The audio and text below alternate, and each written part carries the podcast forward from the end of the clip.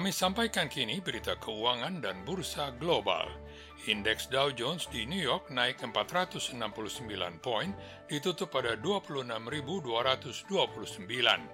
Indeks Standard Poor 500 naik 50,9 poin, ditutup pada 3.116.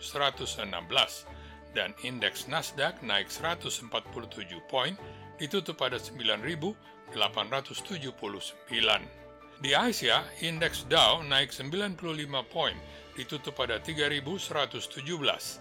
Indeks Nikkei naik 1.051 poin, ditutup pada 22.582. Dan indeks Hang Seng di Hong Kong juga naik 567 poin, ditutup pada 24.344. Di London, indeks Financial Times naik 178 poin, ditutup pada 6.242. Indeks DAX di Jerman juga naik 404 poin, ditutup pada 12.315. Dan indeks CAC di Paris naik 136 poin, ditutup pada 4.952.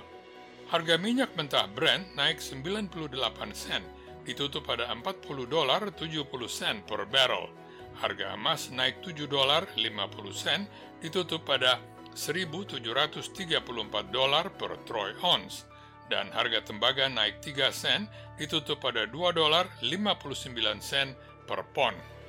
Harga coklat naik 3 dolar ditutup pada 2.269 dolar per ton.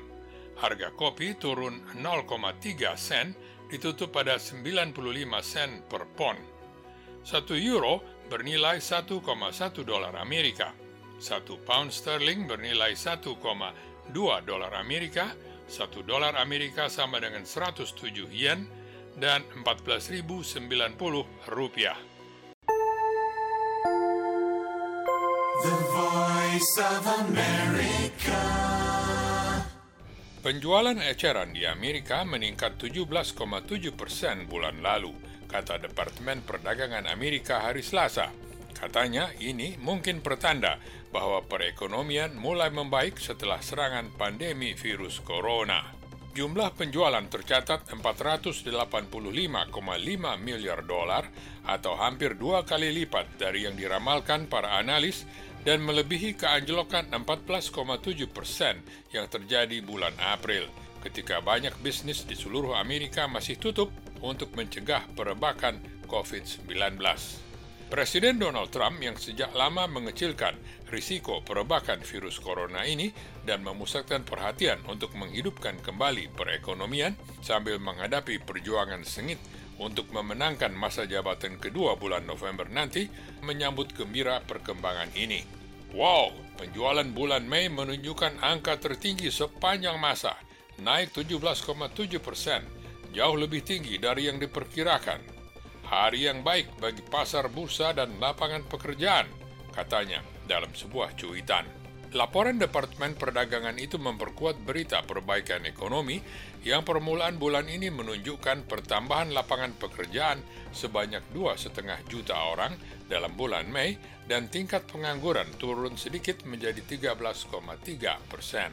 Tapi tanda-tanda kerusakan ekonomi yang disebabkan pandemi itu masih tampak karena tingkat penjualan antara bulan Maret ketika gangguan perekonomian dimulai dan bulan Mei turun 10,5 persen dibanding periode yang sama tahun lalu.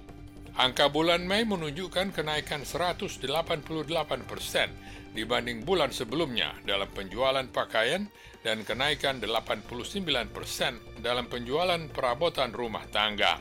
Kedua sektor ini menderita dampak paling besar akibat penutupan kegiatan ekonomi. Bisnis e-commerce atau perdagangan online menunjukkan kenaikan 9% dan penjualan bensin yang anjlok bulan April di tengah kemelut karena penutupan ekonomi dan peningkatan pasokan minyak naik 12,8% dalam bulan Mei.